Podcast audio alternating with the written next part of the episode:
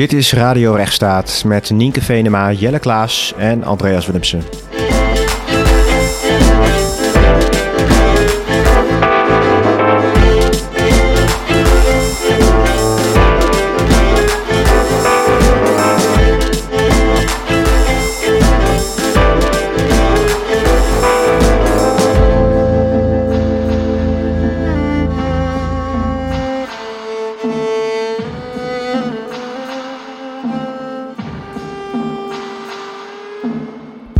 Welkom luisteraars bij Radio Rechtsstaat, de podcast over waarom de rechtsstaat ook jou aangaat. Je luistert naar de tweede aflevering van seizoen 3. Van de klimaatzaak van Urgenda en de stikstofzaak, tot Greta Thunberg die wereldleiders toespreekt en scholieren die massaal de straat op gaan. We gaan het hebben over climate justice of klimaatrechtvaardigheid. En dat gaan we doen met Evie de Kroon, campagneleider klimaat en energie bij Greenpeace. En hiervoor was Evie de directeur van, onder andere de directeur van de Liga voor de Mensenrechten in Vlaanderen. Wat leuk dat je er bent, Evie. Vind ik ook, dankjewel. Heel leuk dat je er bent, Eefje. En uh, laten we beginnen bij het begin. Wat doet Greenpeace ook alweer in het kort en waar ben jij voor verantwoordelijk? Nou, Greenpeace is een uh, campagneorganisatie die al uh, meer dan 40 jaar bestaat. we zijn onafhankelijk en opereren mondiaal. Um, we zijn ontstaan als een campagneorganisatie die zich vooral op kernproeven richtte. Dus um, probeerden die tegen te houden omdat ze desastreus waren voor um, de planeet. Uh, en nu houden we ons daar nog steeds mee bezig, maar vooral ook klimaatverandering. Want, dat weten jullie vast, uh, klimaatverandering wordt door de mensheid gecreëerd en daar moeten we een oplossing op verzinnen. Um, want het heeft hele grote gevolgen voor mensen. Um, hongersnoden, uh, natuurrampen. Um, maar ook de natuur heeft een heel groot effect op. Dus koraalriffen uh, verdwijnen, diersoorten verdwijnen. en daar maken we ons veel zorgen over. Dus wij voeren nog altijd campagne. Um, maar we komen eigenlijk pas in het publieke oog terecht nadat we heel veel andere dingen hebben gedaan.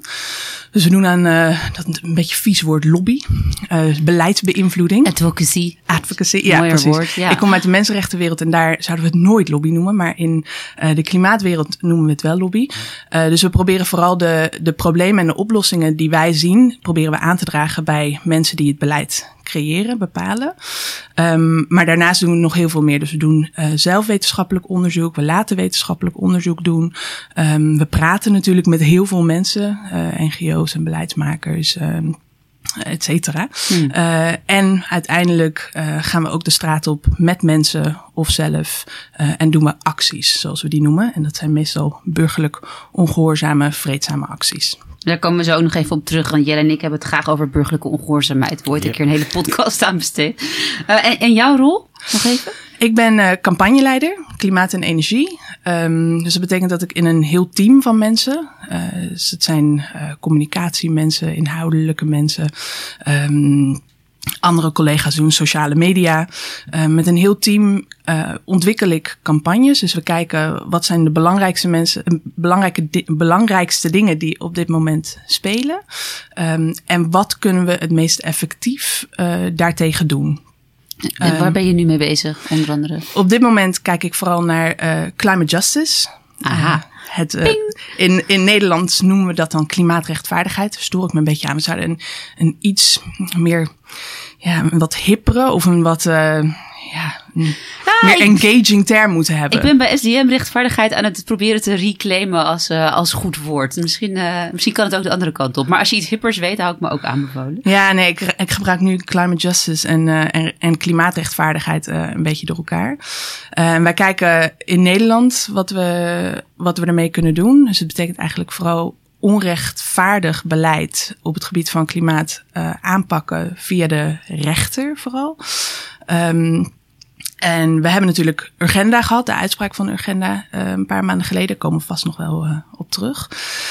Um, en wij kijken nu hoe we daarop verder kunnen bouwen. Want het staat nu vast dat klimaat iets is waar de overheid echt stappen moet, op moet ondernemen. En als het niet doet, dan wordt het op de vingers getikt door de rechter.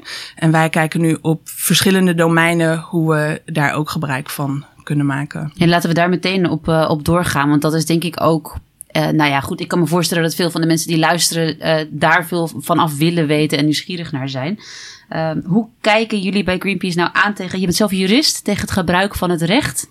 Uh, zijn uitspraken van rechters inderdaad een goed middel om je doel te bereiken? En ik weet dat het, het is ook een beetje een inkopper, want ja, die Urgenda-zaak haalde je net al aan, maar kun je daar wat meer over vertellen?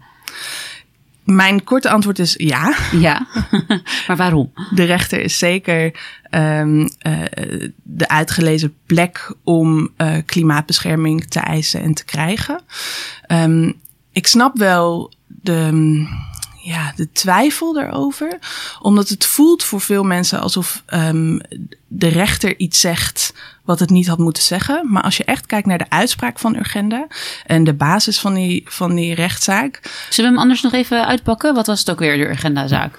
Ja, met uh, Urgenda is een, uh, een organisatie en die heeft al in 2015 uh, een zaak neergelegd bij de rechter.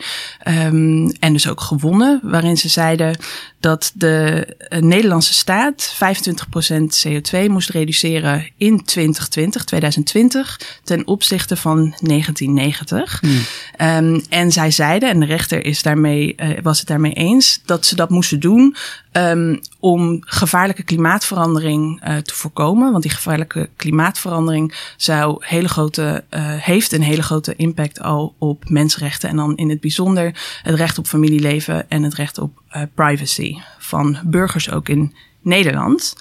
Um, en de Nederlandse rechter baseert zich eigenlijk volledig op wat de Nederlandse staat heeft gezegd en al jaren zegt. Die toetst dat, hè? Ja, die, ja. die toetst of het klopt. Die kijkt naar het wetenschappelijke bewijs. Die zegt, ja, als jullie niet meer dan 25% CO2 reduceren, staat er gewoon ontzettend veel op het spel. En dat weten jullie, uh, ja. want jullie zijn er zelf mee akkoord gegaan. Dus de rechter uh, toetst op basis van mensenrechten. Nou, die zijn democratisch tot stand gekomen. Die moeten ons beschermen. Um, en die kijkt naar wat de staat zelf al uh, zichzelf heeft opgelegd. En wat echt noodzakelijk is om mensen te beschermen in Nederland. Dus ja, ik zou altijd zeggen: de rechter is en moet onafhankelijk blijven. Dus die moet altijd zelf die wetten kunnen, kunnen toetsen. Die mensenrechten die bestaan er. En daar, uh, daar moeten wij heel erg dankbaar voor zijn dat die er zijn en dat de rechter ons daarmee kan beschermen. En bij voorkeur zou ik ook niet willen dat wij naar de rechter gaan. Bij voorkeur zou ik zeggen: laat die beleidsmakers, die politici, hun werk gewoon doen. Mm. Zodat we niet jaren hoeven te procederen. Is het een last resort? Wat mij betreft wel. Ja, ja absoluut. En je, je gaf net even kort aan dat je de twijfel ook wel begrijpt. die er in de maatschappij misschien bestaat. over het naar de rechter gaan en de rechter zo'n uitspraak laten doen. Kun je daar iets meer over zeggen? Ik denk dat we het probleem met. Uh, het probleem. Het lastig van de rechtsstaat is dat we mensen moeten uitleggen wat het belang daarvan is. Um, en dat dat is niet altijd vanzelfsprekend. Dus we moeten echt uitleggen uh, waarom we die mensenrechten hebben en waarom de rechter uh, in onze democratische rechtsstaat die rol heeft van um, de beleidsmakers en bijvoorbeeld politie of, of de uitvoerende macht uh, in, in check te houden. Dus ervoor te zorgen dat zij niet te veel macht naar zichzelf toetrekken. En zo wordt de rechter in die zin ook weer beperkt in de bevoegdheden. Dus volgens mij moeten we dat altijd uitleggen. De, de beleidsmakers mogen het niet in hun eentje voor het zeggen hebben. Dat ja. is ontzettend gevaarlijk. Ja, er wordt natuurlijk gezegd dat het ondemocratisch is als een niet gekozen rechter uh, een besluit gaat nemen. wat anders is dan dat van een gekozen beleidsmaker. Hoewel je over die beleidsmakers ook kan afvragen in hoeverre ze gekozen zijn, maar dat terzijde. Nou, het grote voordeel uh, dat ik ook zie van het feit dat rechters niet gekozen zijn. Uh, in vergelijking met beleidsmakers die wel gekozen zijn. is dat beleidsmakers altijd korte termijn besluiten nemen. en korte termijn belangen dienen. Want over een paar jaar worden ze weer verkozen. Zij zijn zo erg bezig met de volgende keer weer verkozen te worden. Dat zij niet kijken naar, oké, okay, uh, dien ik wel de belangen van iedereen? Of alleen van de mensen die op mij stemmen? En dien ik wel de belangen van toekomstige generaties? Dat is iets waar beleidsmakers uh, natuurlijk minder mee bezig zijn dan rechters die er niet voor hoeven te vrezen dat ze na een paar jaar wel of niet weer verkozen zouden worden. Dus volgens mij is dat juist ook een heel sterk systeem. Zonder al te veel in te gaan op waarom rechters wel en niet verkozen zouden moeten worden. Zijn natuurlijk ook best wel veel politici die worden belobbyd vanuit de andere kant. Uh, vanuit de belangen van de olieindustrie of vanuit. Uh, ik heb wel eens een overzicht gezien hoeveel lobbyisten er zitten vanuit die hoek en vanuit de klimaathoek. Dat zijn natuurlijk ook dingen waar politici soms misschien wat te veel naar luisteren. En waar rechters hopelijk iets minder. Is dat ook een element wat Nou ja, heel veel geknikt hier. Ja. het, het feit dat uh, klimaatverandering zulke proporties heeft aangenomen, uh, komt ook doordat grote bedrijven, grote vervuilende bedrijven, die positie hebben bemachtigd. En dat is zo omdat beleidsmakers daar niet voor in de weg zijn gaan liggen. Dus ja, die analyse deel ik wel, ja. ja. Nou, dat is heel, heel helder. Dan eventjes over climate justice, waar we wat dieper op in willen gaan. Nou, je al klimaatrechtvaardigheid. Ja, wat is dat? Kun je iets van een soort van een definitie? Natuurlijk. Um, ja, klimaatrechtvaardigheid of climate justice heeft namelijk voor iedereen een andere betekenis. Um, de betekenis die ik er heel kort aan zou willen geven is dat uh, klimaatverandering door een heel kleine beperkte groep is en wordt veroorzaakt. Maar de desastreuze gevolgen ervan slaat neer bij een groep die er niet voor verantwoordelijk is. Um, en daar kan je internationaal naar kijken. Dus wij in het Westen zijn eigenlijk het meest verantwoordelijk voor uh, de CO2 en andere broeikasgassen die de lucht in zijn gegaan. Het meest vervuilend. Ja, wij zijn het meest vervuilend. Wij zijn het eerst begonnen uh, en wij stoten nog altijd het allermeest uit. Uh, Nederland staat trouwens echt wel voorop in dat lijstje van grootste uitstoters per hoofd van bevolking ook. Um, maar de gevolgen die je nu al begint te zien, uh, die vinden niet in Nederland plaats. Kijk, in, in Nederland hebben we te maken met uh, mislukte oogsten, met extreem weer, met dat soort zaken. Dus je, je begint het in Nederland ook al echt wel te merken. Ik denk dat iedereen die uh, deze afgelopen zomer en deze winter rondloopt en denkt, nou, wat was het heet afgelopen zomer en jeetje, waar, waar blijft eigenlijk die kou deze winter? Iedereen vraagt volgens mij af, waar, was die winter of waar is die winter? Hmm ik denk dat iedereen wel aanvoelt, oké, klimaatverandering beginnen we hier ook wel te voelen. Uh, maar dat is, nou, ik zou bijna zeggen, niks in vergelijking met, ik wil niet uh, disrespectful zijn, maar het is bijna niet te vergelijken met landen um, die in meer ontwikkelende um, gebieden liggen. Uh, en dan met name eilanden. Ja. Eilanden zijn gewoon aan het verdwijnen, letterlijk omdat de zeespiegel uh, stijgt. Extreem weer vindt vooral plaats in, uh, nou, zeker niet uh, Nederland, maar vooral gebieden waar je meer orkanen hebt. Bijvoorbeeld, nou, een aantal jaar geleden was er een um, gigantische um, orkaan in um, de Filipijnen. Die heeft duizenden doden tot gevolg gehad. En uh, een paar maanden geleden, in, december, um, was er een uitspraak van het Filipijnse Mensenrechtencomité. Dus een beetje ons college voor de rechten van de mens. Um, die zei, ja, die, die, die gevolgen, um, die doden uh, en al die schade die wij in de Filipijnen hebben geha gehad, is direct te linken aan klimaatverandering. En die klimaatverandering is ook veroorzaakt door de 47 carbon majors, zoals ze noemen. Dus grote vervuilende um, bedrijven. Alleen maar om aan te tonen dat uh, de schade in ontwikkelende landen is al, die, die heeft al plaatsgevonden en uh, gaat nog veel sterker zijn de, de komende jaren. Dus, dus dat element van die onrechtvaardigheid, zeg maar, en die verdeling daarin, dat, dat, dat wordt ook vervat dan door, door die leus. En als je, als ik het goed begrijp, um, en als je kijkt naar demonstraties over de hele wereld en, en ook nou ja, mensen die zich hier heel erg hard voor inzetten, dan is het climate justice is ook echt, dat is de leus, zeg maar, het banier waaronder mensen zich scharen, waaronder heel veel uh, scholieren. Um, ik, ik snap hem wel, maar tegelijkertijd als je denkt van hè, ook naar oplossingen van het probleem, ja, waarom dan niet iets als stop climate change of energietransitie nu of, of een meer, um, uh, ja, waarom dan zo op die rechtvaardigheid zitten en niet op nou, misschien een wat meer voor de hand liggende leus die op een oplossing ziet. Ik vind energietransitie nu niet echt een goede leus voor een demonstratie. Ja, wat gaan we zien. Energietransitie, wanneer willen wij het nu? nu. Ja, nou. Ik zie het jullie ook zeggen en je, je zegt het inderdaad zo met zo, ja, we moeten het zeggen, maar we hebben er niet echt zin in. Ik, ik denk dat, dat, dat je hem daar al gelijk in voelt. Climate justice, die rechtvaardigheid, daar hebben mensen een gevoel bij. Daar, daar, dat, dat willen ze. Het is natuurlijk iets om voor te zijn en niet tegen te zijn. Mensen zijn graag ergens voor.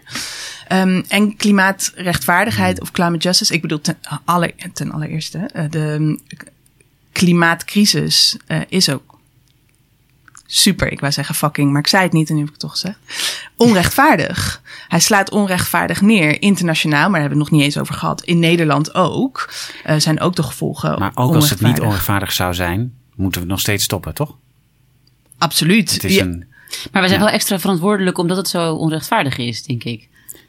Ja, maar of dat nou het element is waardoor meer mensen de straat op gaan. Ik, ik snap hem wel, omdat die een heel belangrijk onderdeel van ook het wereldwijde ding is. Maar ja, je hebt ook wel eens leuzen gezien van system change, not climate change. Bijvoorbeeld, er zijn wel andere savvy dingen die inderdaad lekkerder roepen dan energietransitie nu. Um, maar ik, ik denk dat ik hem goed, uh, goed begrijp. En het is inderdaad climate justice. Ik vind hem goed klinken. Ja. ja. En volgens mij system change, not climate change, staat wat mij betreft ook een beetje voor uh, het, hetzelfde issue. Want in klimaatrechtvaardigheid zit wat mij betreft en zeker ook de, de jongeren die ik spreek, die nu natuurlijk heel veel de straat op gaan. Er is een behoefte aan een, een nieuw systeem. Mensen uh, voelen aan dat de, de, de manier waarop we nu bezig zijn, dat gaat gewoon niet. Um, en we willen iets waar we ons met z'n allen ook achter kunnen scharen. En die jongeren die nu ook de, de straat op gaan, die, die zien ook veel meer die oneerlijke impact van klimaatverandering. Dus ook internationaal. Jongeren zijn nog veel soort van internationaal bewuster, heb ik het idee in ieder geval, dan uh, de meeste volwassenen. En die, die eisen gewoon die rechtvaardigheid. Ja, en ook natuurlijk, als ik het uh, ook ten opzichte van hen. Die jongere generatie. Hè? Dat is natuurlijk inderdaad, uh, ook voor hen is het best wel onrechtvaardig dat de andere generaties allemaal ervan hebben, nou ja, niet allemaal, maar een deel van die mensen in ieder geval de verantwoordelijke het vol hebben kunnen nemen. En dat zij straks uh, in Utrecht aan zee leven. Nou, je, noemde, het, ja, je noemde ook al Greta Thunberg. Uh, die is met een aantal andere kinderen en jongeren naar het um, Comité voor Kinderrechten van de Verenigde Naties gestapt omdat zij inderdaad zeggen, ja, wat voor toekomst is er straks nog voor ons? Jullie moeten meer doen uh, om die toekomst voor ons ook te garanderen. En dat is zo onrechtvaardig dat die kinderen voor zichzelf moeten opkomen en dat moeten af, uh, afdwingen. Terwijl de, de, ik bedoel, de oplossingen zijn er. Het is echt politieke onwil um, dat we ze niet nu invoeren. Ook ja. voor die toekomstige generaties. Ja. En om dan daar over jullie moeten wat doen, om dan even over die jullie te hebben. Uh, kun jij iets zeggen uh, en ik weet, het is een groot onderwerp, maar misschien kun je, daar heb je vast al wel wat eerder wat over aangegeven, over de, de taak van de staat bij klimaatrechtvaardigheid en die van burgers en bedrijven. Hoe zie jij die? Wat is de jullie hierin? Nou ja, vanuit mijn mensenrechtenachtergrond zal ik altijd zeggen, de staat heeft de verantwoordelijkheid om burgers te beschermen op basis van, van mensenrechten. Um, dat is natuurlijk ook het contract dat we zijn aangegaan. Wij stemmen op uh, onze vertegenwoordigers, onze beleidsmakers. En zij dienen uh, ons te beschermen. Of zij dienen in ieder geval in ons uh, belang te handelen. Dus voor mij staat de verantwoordelijkheid van de staat altijd voorop. Um, maar daarmee is natuurlijk niet gezegd dat anderen geen verantwoordelijkheid meer hebben. Bedrijven hebben namelijk ook een gigantische verantwoordelijkheid. Helemaal een bedrijf zoals uh, Shell, um, die heeft eigenlijk net zoveel macht als een, land als Nederland, als internationale speler, zeg maar. Dus uh, bedrijven zijn zo groot geworden dat we ze niet van die plicht kan, kunnen, uh, kunnen ontdoen. Dat zij ook gewoon een, verantwoordelijkheid hebben. Dus ook het, het mensenrechtensysteem zie je dat zich dat ook steeds meer begint op te schuiven naar bedrijven. Dus dus het, uh, het handelen dat ze hebben moet ook gewoon in lijn zijn met mensenrechten. Dus zij mogen mensenrechten ook niet um, uh, schenden en schaden. Um, burgers um, vind ik altijd wat ingewikkelder. Want mensen vragen me altijd. Oh, wat een vreselijk verhaal. Klimaatverandering staat uh, voor de deur. Wat kan ik nu doen? Mensen willen heel graag iets zeg maar iets praktisch in hun handen hebben uh, om, om, om bij te dragen uh, aan, aan dit, dit gevecht. Mm -hmm. um, en het is ook heel mooi om te zien dat, uh, dat mensen minder vlees gaan eten en nou ja, minder vliegen en dat soort dingen. Dat is ook allemaal heel erg goed. Maar tegelijkertijd ben ik altijd wel heel waakzaam dat het ons niet afleidt van het afeisen van echte veranderen, verandering. Um, en die echte verandering, die krijg je voor elkaar door te stemmen op partijen die ook het, uh, wat jou betreft, het juiste doen. En, en uh, klimaatverandering ook effectief tegengaan. Uh, demonstreren natuurlijk, ga de straat op. Um, maar er zijn ook nog wel andere dingen die je wel als burger of als consument kan doen. Bijvoorbeeld kijken waar investeert je bank in. Dus banken zijn ook grotendeels verantwoordelijk voor het voortbestaan van de crisis, omdat ze maar blijven beleggen en investeren in bedrijven die verantwoordelijk zijn voor klimaatverandering. Um, maar ook bijvoorbeeld je pensioenfonds doet soort, soortgelijke dingen. Dus wees ook kritisch als, als consument van waar gaat mijn geld eigenlijk naartoe. Um, maar voor mij staat voorop dat je als burger gewoon een ja, actief burgerschap klinkt dat het een beetje vies en een beetje hè, is niet zo hip. Helemaal niet vies. Nee? Oké. Okay, nee, nee, nee, het is 2020. Volgens mij is het juist weer goed. Oké, heel goed. Um, praat erover met mensen. Dus ook ga het gesprek aan met je, met je buren en met je ouders. En uh, mensen weten het vaak niet, uh, wat, wat, het, wat het probleem is en wat ons staat te wachten. Dus ga het er ook over ja. hebben. En ja, vooral ook stemmen natuurlijk. Heel helder. Een laatste puntje in dit, in dit kader is, uh, als je het hebt mensen die wat sceptischer zijn over climate justice, uh, zag ik betogen dat het doorvoeren van climate justice in Nederland, hè, uh, in het door ons goed functionerende rechtsstaat, afdwingen van snellere verandering, dat dat dan helemaal geen zin zou hebben als andere landen dat dan vervolgens niet doen. En dan wordt dat dan naar China gewezen of dat soort dingen. En sterker nog, zag ik iemand op Twitter driftig typen.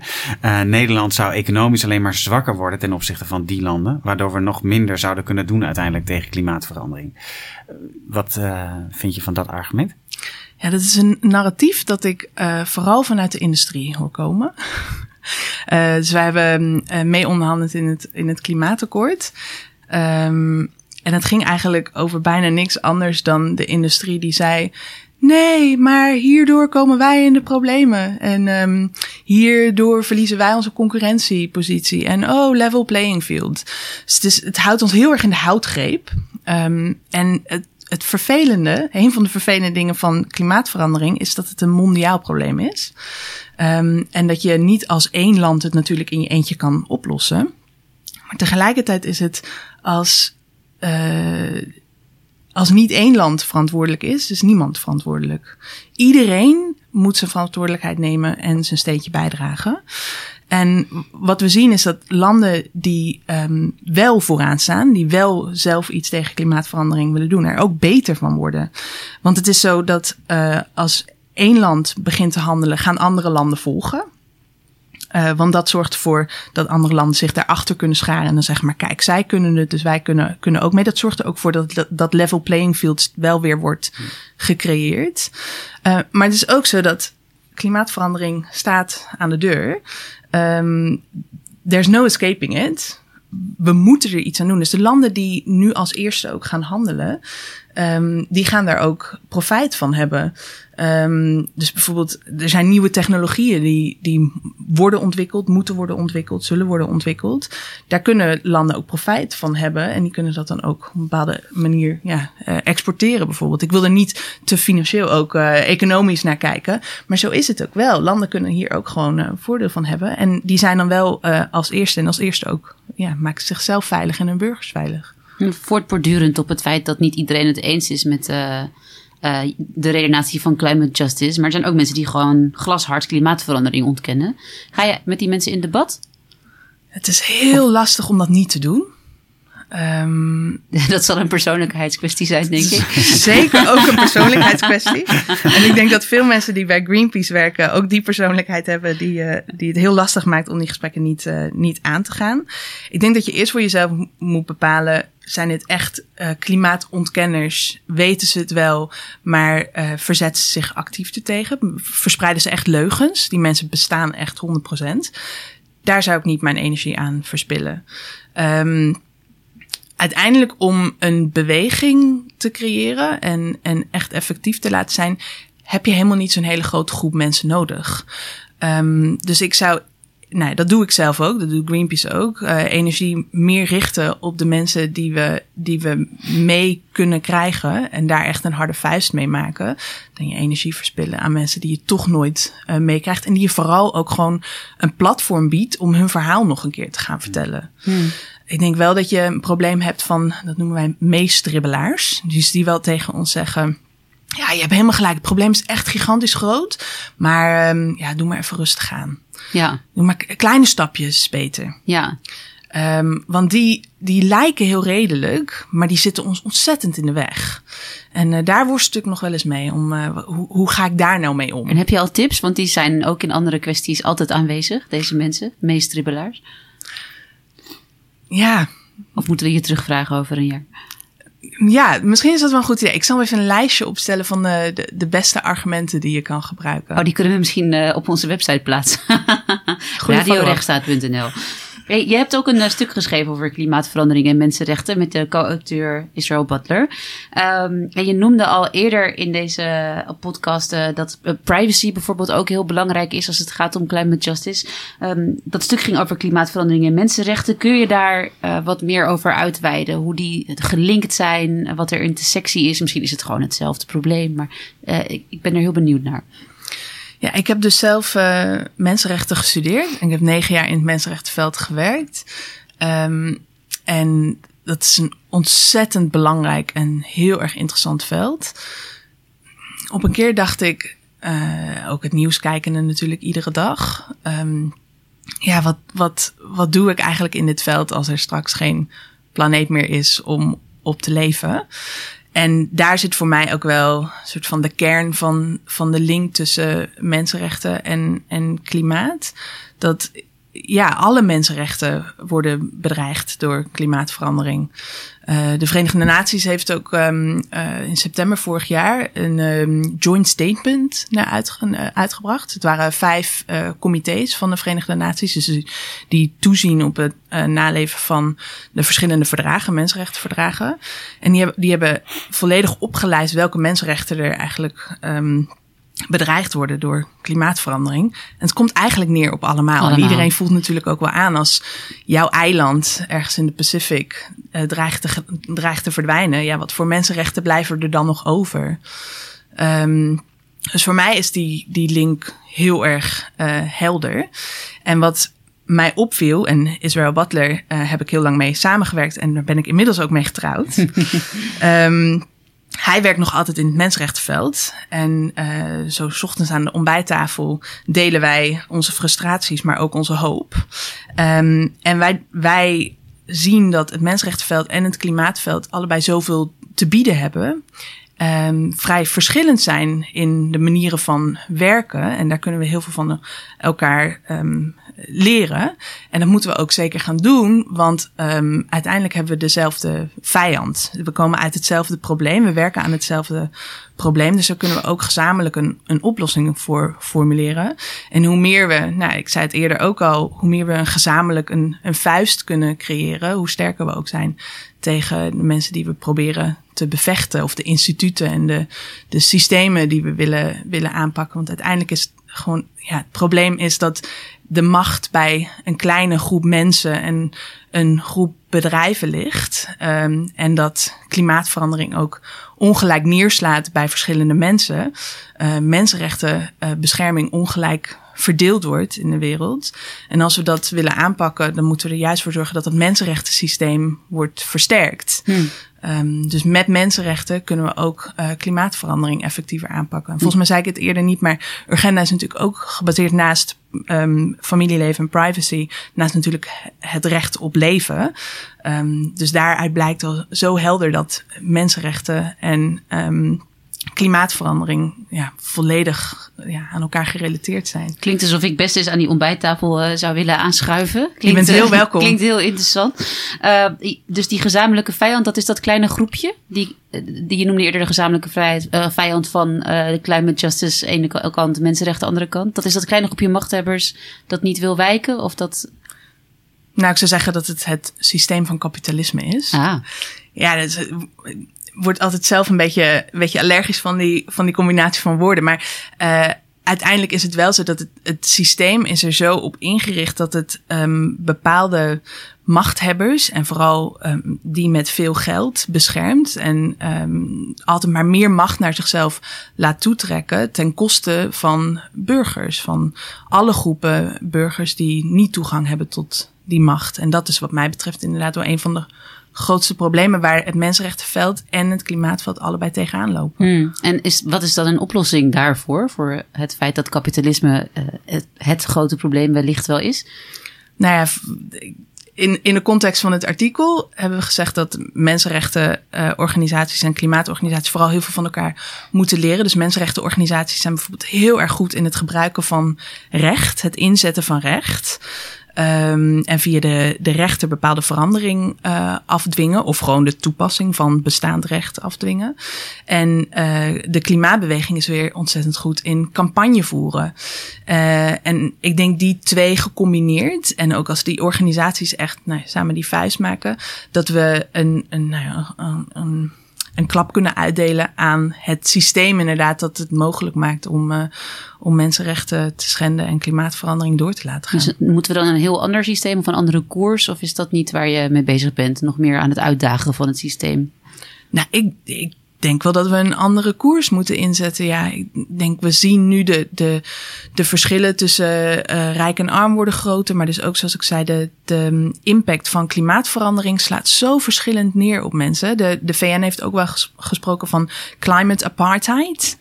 Um, dus dat, we, eh, dat, dat je ziet dat de rijke mensen zichzelf straks prima kunnen beschermen. Maar de arme mensen, ja, die gaan echt de, de gevolgen ondervinden. Kun je daar wat meer over zeggen? Waarom gaan de arme mensen er echt de gevolgen van ondervinden? Omdat ze zich niet kunnen beschermen? Nou, veel uh, wetenschappelijke onderzoeken, ook van, uh, nou, vooral van de Verenigde Naties, hebben laten zien dat klimaatrechtvaardigheid bestaande ongelijkheden vergroot.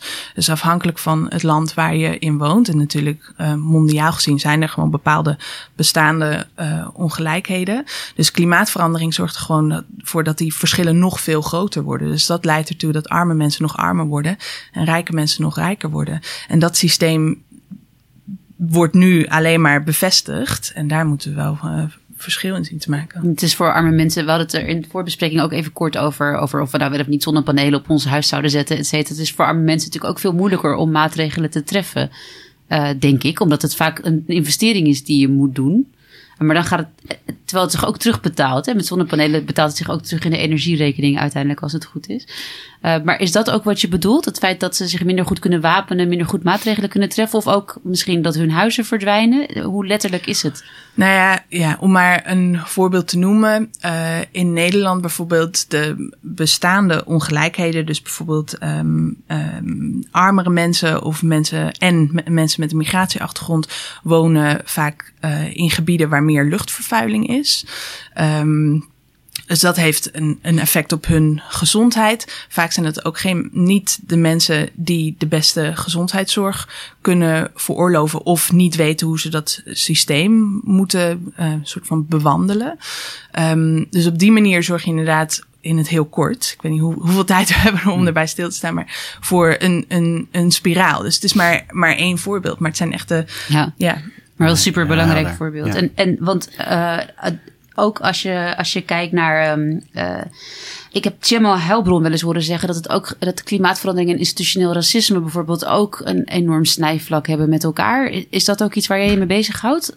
Ja, absoluut. Um, nou, dus de, de zaken waar wij nu naar kijken om eventueel te voeren uh, vanuit Greenpeace kijkt altijd naar uh, ja, in hoeverre ben je verantwoordelijk voor het klimaatbeleid en in hoeverre um, ondervind je de, de nadelen daarvan. En dan vooral mensen, um, uh, people of color, zwarte mensen, mensen met een migratieachtergrond dat zijn wel de groepen die uh, het sterkst en het meest internationaal. Maar dus we nemen aan, of we mogen aannemen in Nederland dat zij ook degene zijn die het meeste last hier zullen ondervinden. Omdat ze inderdaad minst middelen hebben uh, om zichzelf te beschermen, minst macht hebben, minst, uh, minst gehoord worden in, in Nederland. Um, dus zij zijn, nemen wij aan, op basis van ook internationaal onderzoek dat is gedaan, wat trouwens niet in Nederland wordt gedaan. Dus er wordt helemaal niet gekeken naar welke groepen worden het meest benadeeld door um, uh, klimaatverandering en de klimaatimpact. Maar gezien internationaal onderzoek dat wel bestaat, mogen we ervan uitgaan dat het me mensen met een migratieachtergrond ook in Nederland zijn. En dat is zeker iets waar wij ook met uh, ons climate justice werk en eventuele uh, rechtszaken ook bij, bij stil willen staan. En als je dan kijkt naar meer uh, maatregelen om klimaatverandering tegen te gaan. Dus stel dat de Nederlandse regering of andere regeringen zich nou, gaan luisteren naar Urgenda, naar Greenpeace en allemaal maatregelen gaan nemen. Nou, er zijn een aantal voor de hand liggende, uh, is bijvoorbeeld minder vliegen, minder auto's, ehm, klimaatneutrale huizen, overal zonnepanelen op. Of inderdaad mensen met de auto, ja, die van de auto afhankelijk zijn. En nou, hoe zorg je ervoor dat die, die maatregelen die eigenlijk nu genomen moeten worden, uh, niet disproportioneel armere mensen treffen? Ja, dit is natuurlijk ook onderdeel van, uh, van klimaatrechtvaardigheid. Inderdaad, niet alleen wie uh, ondervindt de meeste lasten, maar wie moet ook betalen voor die, um, de klimaatmaatregelen die worden genomen. Mm -hmm. Nu denk ik dat het allereerst belangrijk is om uh, vast te stellen dat deze mensen sowieso al het meest problemen ondervinden van klimaatverandering, van dat, van dat feit. En daar, we kijken altijd naar wat kost het om het op te lossen. Maar wat kost het nu al? Wat kosten de problemen nu al? Daar staan we vaak veel minder uh, bij stil. Want als je het bijvoorbeeld hebt over luchtvaart. Um, het zijn de vakbonden die niet willen dat uh, Schiphol bijvoorbeeld verder groeit, omdat het kwalitatief slechte banen zijn. Het zijn uh, omwoners, bewoners, uh, die zeggen wij willen geen um, groter Schiphol, omdat wij last hebben van het geluid, maar ook gewoon van de luchtkwaliteit. Mm. Um, in Nederland um, maakt, wat is het, 8% van de, de Nederlanders maakt 40% van de vluchten. Dus we moeten ook niet doen alsof uh, iedereen gelijk gebruik maakt van, uh, van de, de, de, de vliegopties in, in Nederland. Dus ik denk dat daar sowieso al, dat, dat daar vaak geen aandacht naar, naar uitgaat, maar dat we heel erg gericht zijn op wie moet het gaan um, betalen. Je kan natuurlijk wel aan een systeem denken van een uh, vliegtax die hoger wordt naar gelang je meer vliegt. Want het is natuurlijk ook niet de bedoeling van de klimaatbeweging die zich heel goed realiseert dat ongelijkheid en, althans ik realiseer me dat goed, ongelijkheid en klimaatverandering hand in hand gaan. Dus die, die, die verschillen wil je niet vergroten door klimaatveranderingsmaatregelen die je, die je creëert. Maar er zijn wel uh, Toch is dat gevoel, sorry dat ik je onderneem, maar dat gevoel leeft volgens mij wel bij sommige kranten en bij veel mensen um, dat alles duurder wordt. Bijvoorbeeld dat parkeren in Amsterdam, om maar eens wat te noemen, veel duurder wordt gemaakt, waardoor mensen die hè, met, met klusjesauto's, nou, die kunnen dan de stad niet meer in. Rijke mensen kunnen nog wel parkeren. Ik denk dat in Frankrijk uh, het verhogen van de brandstofprijzen, uh, zonder dat daar tegenover stond dat het openbaar vervoer gratis werd of iets dergelijks, ja, dat heel veel gewone Fransen wel zoiets hadden van, ja luister, ook een deel daarvan zal misschien wel erkennen dat er een probleem is. Maar als iets hadden van ja, wij zijn degene die nu hiervoor moeten betalen. En, en bedrijven daar... hebben nog steeds lekker belastingvoordeel. Ja, ja. het is ook natuurlijk ja. hè, wat een deel van die boeren, naar waar je heel veel over kan zeggen. Maar dat die natuurlijk ook wel zoiets hadden van ja, uh, wij moeten ervoor betalen. En Schiphol die mag maar blijven uitbreiden. Maar ik denk dat vooral dat punt met die brandstofprijzen. Um, ik vind het natuurlijk ook hartstikke goed als iedereen gaat fietsen. Uh, en, en met de trein gaat. Maar ik ken ook, ja, als je bij de hoogovens werkt en een bepaald tijdstip begint. Of gewoon op een plek zit waar de bus niet meer komt. Of ja, er zijn ook wel heel veel gewone mensen die de auto pakken. Omdat dat nou eenmaal het meest ja, voor de hand liggend is en het meest economisch rendabel. En als je hen dan nou, wil je daar nog even op reageren? Ja, misschien had ik ook moeten beginnen met uh, het feit dat wij natuurlijk vooral willen dat uh, de grote vervuilers gaan betalen. Um, dat is voor ons het belangrijkste. Maar dan kom je heel snel in een vrij technisch verhaal over uh, belastingen en groene belastingen. Um, maar om bijvoorbeeld een concreet uh, voorbeeld te geven is dat uh, iedereen betaalt op de, uh, in de energierekening een opslag duurzame energie, ODE. Ik, ik had nog nooit, voordat ik bij Greenpeace kan werken, naar mijn energierekening gekeken. Maar daar staat het op. Je betaalt energiebelasting en uh, ODE, opslag een, duurzame energie. En dat, dat is een potje die wordt gevuld. Inmiddels een derde door burgers, twee derde door um, grote bedrijven of bedrijven. Dat was half-half. Maar degene die meeste uit dat potje halen zijn de grote industrieën. En nu blijkt dat die eigenlijk bijna niks in dat potje stoppen. Hmm. Dat is natuurlijk, dat voelt iedereen ook aan. Dat is volledig onrechtvaardig. En dan wordt er gezegd, ja, we gaan toch die marges wat, wat veranderen. Dus dan wordt het toch die een derde, twee derde. Maar wat, als je dan echt naar de details gaat kijken, blijkt dat vooral midden- en klein bedrijf meer gaat betalen. En nog altijd die, die zeg maar de twaalf grote vervuilende uh, bedrijven in Nederland, die betalen nog altijd niet mee eraan of bijna niet mee eraan. Dus ze halen vooral heel veel geld uit het potje, maar stoppen heel weinig geld in het potje. Ja, dat voelen we natuurlijk allemaal aan. Dat is onrechtvaardig. Als jij dan vervolgens zegt, ja, burgers moeten allemaal dit soort maatregelen nemen en die moeten extra kosten op zich gaan nemen. En uh, industrieën die kunnen nog steeds gigantische bonussen voor hun bestuurders uh, geven. Ja, dan ben je natuurlijk ja. niet goed bezig. Het is absoluut ook iets waar we, waar we naar kijken. Maar tegelijkertijd denk ik ook dat we ons niet moeten blind staren op het systeem dat we nu hebben. En dat dat hetzelfde moet blijven, want het systeem slaat onrechtvaardig neer bij mensen. Uh, vooral mensen die aan de, aan de, onderkant van de samenleving zitten. Die, die een minder sterke um, positie hebben op dit moment. Um, en we moeten kijken naar nieuwe oplossingen, zoals inderdaad die bus, waar je het over had. Als er geen bus meer is die ergens naartoe rijdt, daar moeten we in investeren. We moeten in uh, openbaar vervoer voor iedereen investeren. We moeten investeren in autodelen. Dus dat je inderdaad een, een auto kan pakken aan het einde van de straat en ergens naartoe kan rijden. Dus dat het inderdaad, dat iedereen nog wel kan um, bewegen, maar niet op het systeem, in het systeem waar dat we dat nu doen. Oké, okay, helder, dank je. Uh, laatste vraag. Had je ook al wat over gezegd, maar onze luisteraars, als die wat willen doen met climate justice, kunnen ze zich dan aanmelden bij Greenpeace en in een of ander ding klimmen? Of uh, wat, wat, wat kunnen ze doen? Wat, wat uh, Absoluut. je aan? Nou ja, ja, zoals ik inderdaad al zei, actief burgerschap. Um, maar zeker, Greenpeace uh, heeft altijd behoefte aan vrijwilligers en supporters. Natuurlijk ook donateurs. Dus als je zelf uh, liever niet aan een schip hangt of uh, Schiphol, um, op Schiphol demonstreert, mag je natuurlijk ook een donatie doen, zodat wij ervoor zorgen dat andere mensen dat kunnen doen. investeren in, in rechtszaken die gevoerd gaan worden. Um, maar dat is misschien ook even een, een kijkje in, in de keuken van, van Greenpeace. Greenpeace staat wel bekend voor acties, zoals we die noemen. Um, um, die we vooral alleen deden. Dus we opereerden in het verleden vooral in ons eentje. Dus zo'n bootje die dan tussen een uh, groot ja. uh, Sovjet uh, walvissen jachtschip. Daar had ik kinderboeken over. De Sirius en zo. Ik weet het nog. Precies. Ja, ja. ja. Dat is natuurlijk wat we deden. En dat was dan een, een klein groepje heel moedige activisten die zichzelf nou, eigenlijk met hun lichaam tussen het kwaad wierpen. Dat, dat is waar we uit zijn ontstaan.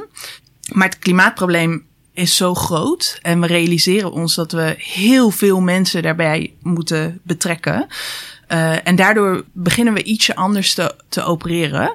Um, dus we, we hebben bijvoorbeeld een aantal maanden geleden een grote actie gedaan op Schiphol. Dus de gemeente Haarlemmermeer, uh, van hun mochten we niet komen demonstreren op Schiphol tegen de groei van Schiphol. Want het is een van de grootste vervuilende bedrijven van Nederland, weet, weten niet zoveel mensen.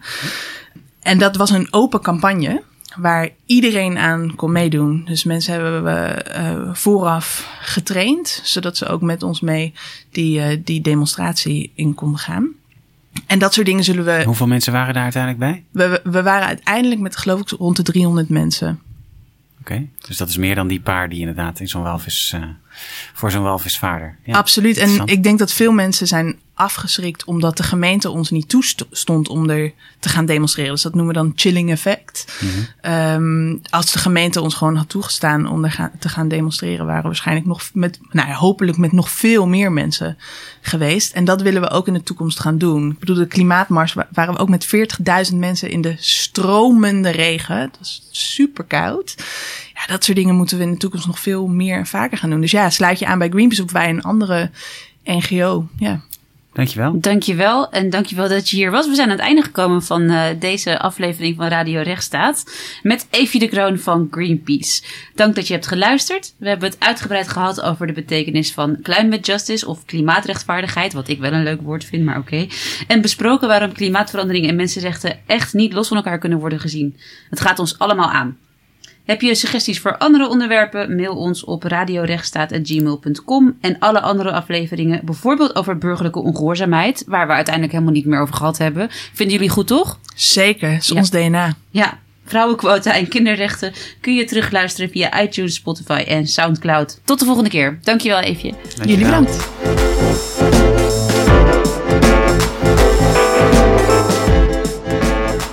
Radio Rechtsstaat is gemaakt door Nienke Venema, Jelle Klaas en Andreas Willemsen en wordt bij ons thuis in Amsterdam opgenomen. Kijk op radiorechtsstaat.nl voor alle afleveringen en meer informatie. Je vindt ons trouwens ook op Facebook en op Twitter. En vind je Radio Rechtsstaat nou interessant? Laat dan een rating en een review achter op Apple Podcasts of in een andere podcast app. Dankjewel.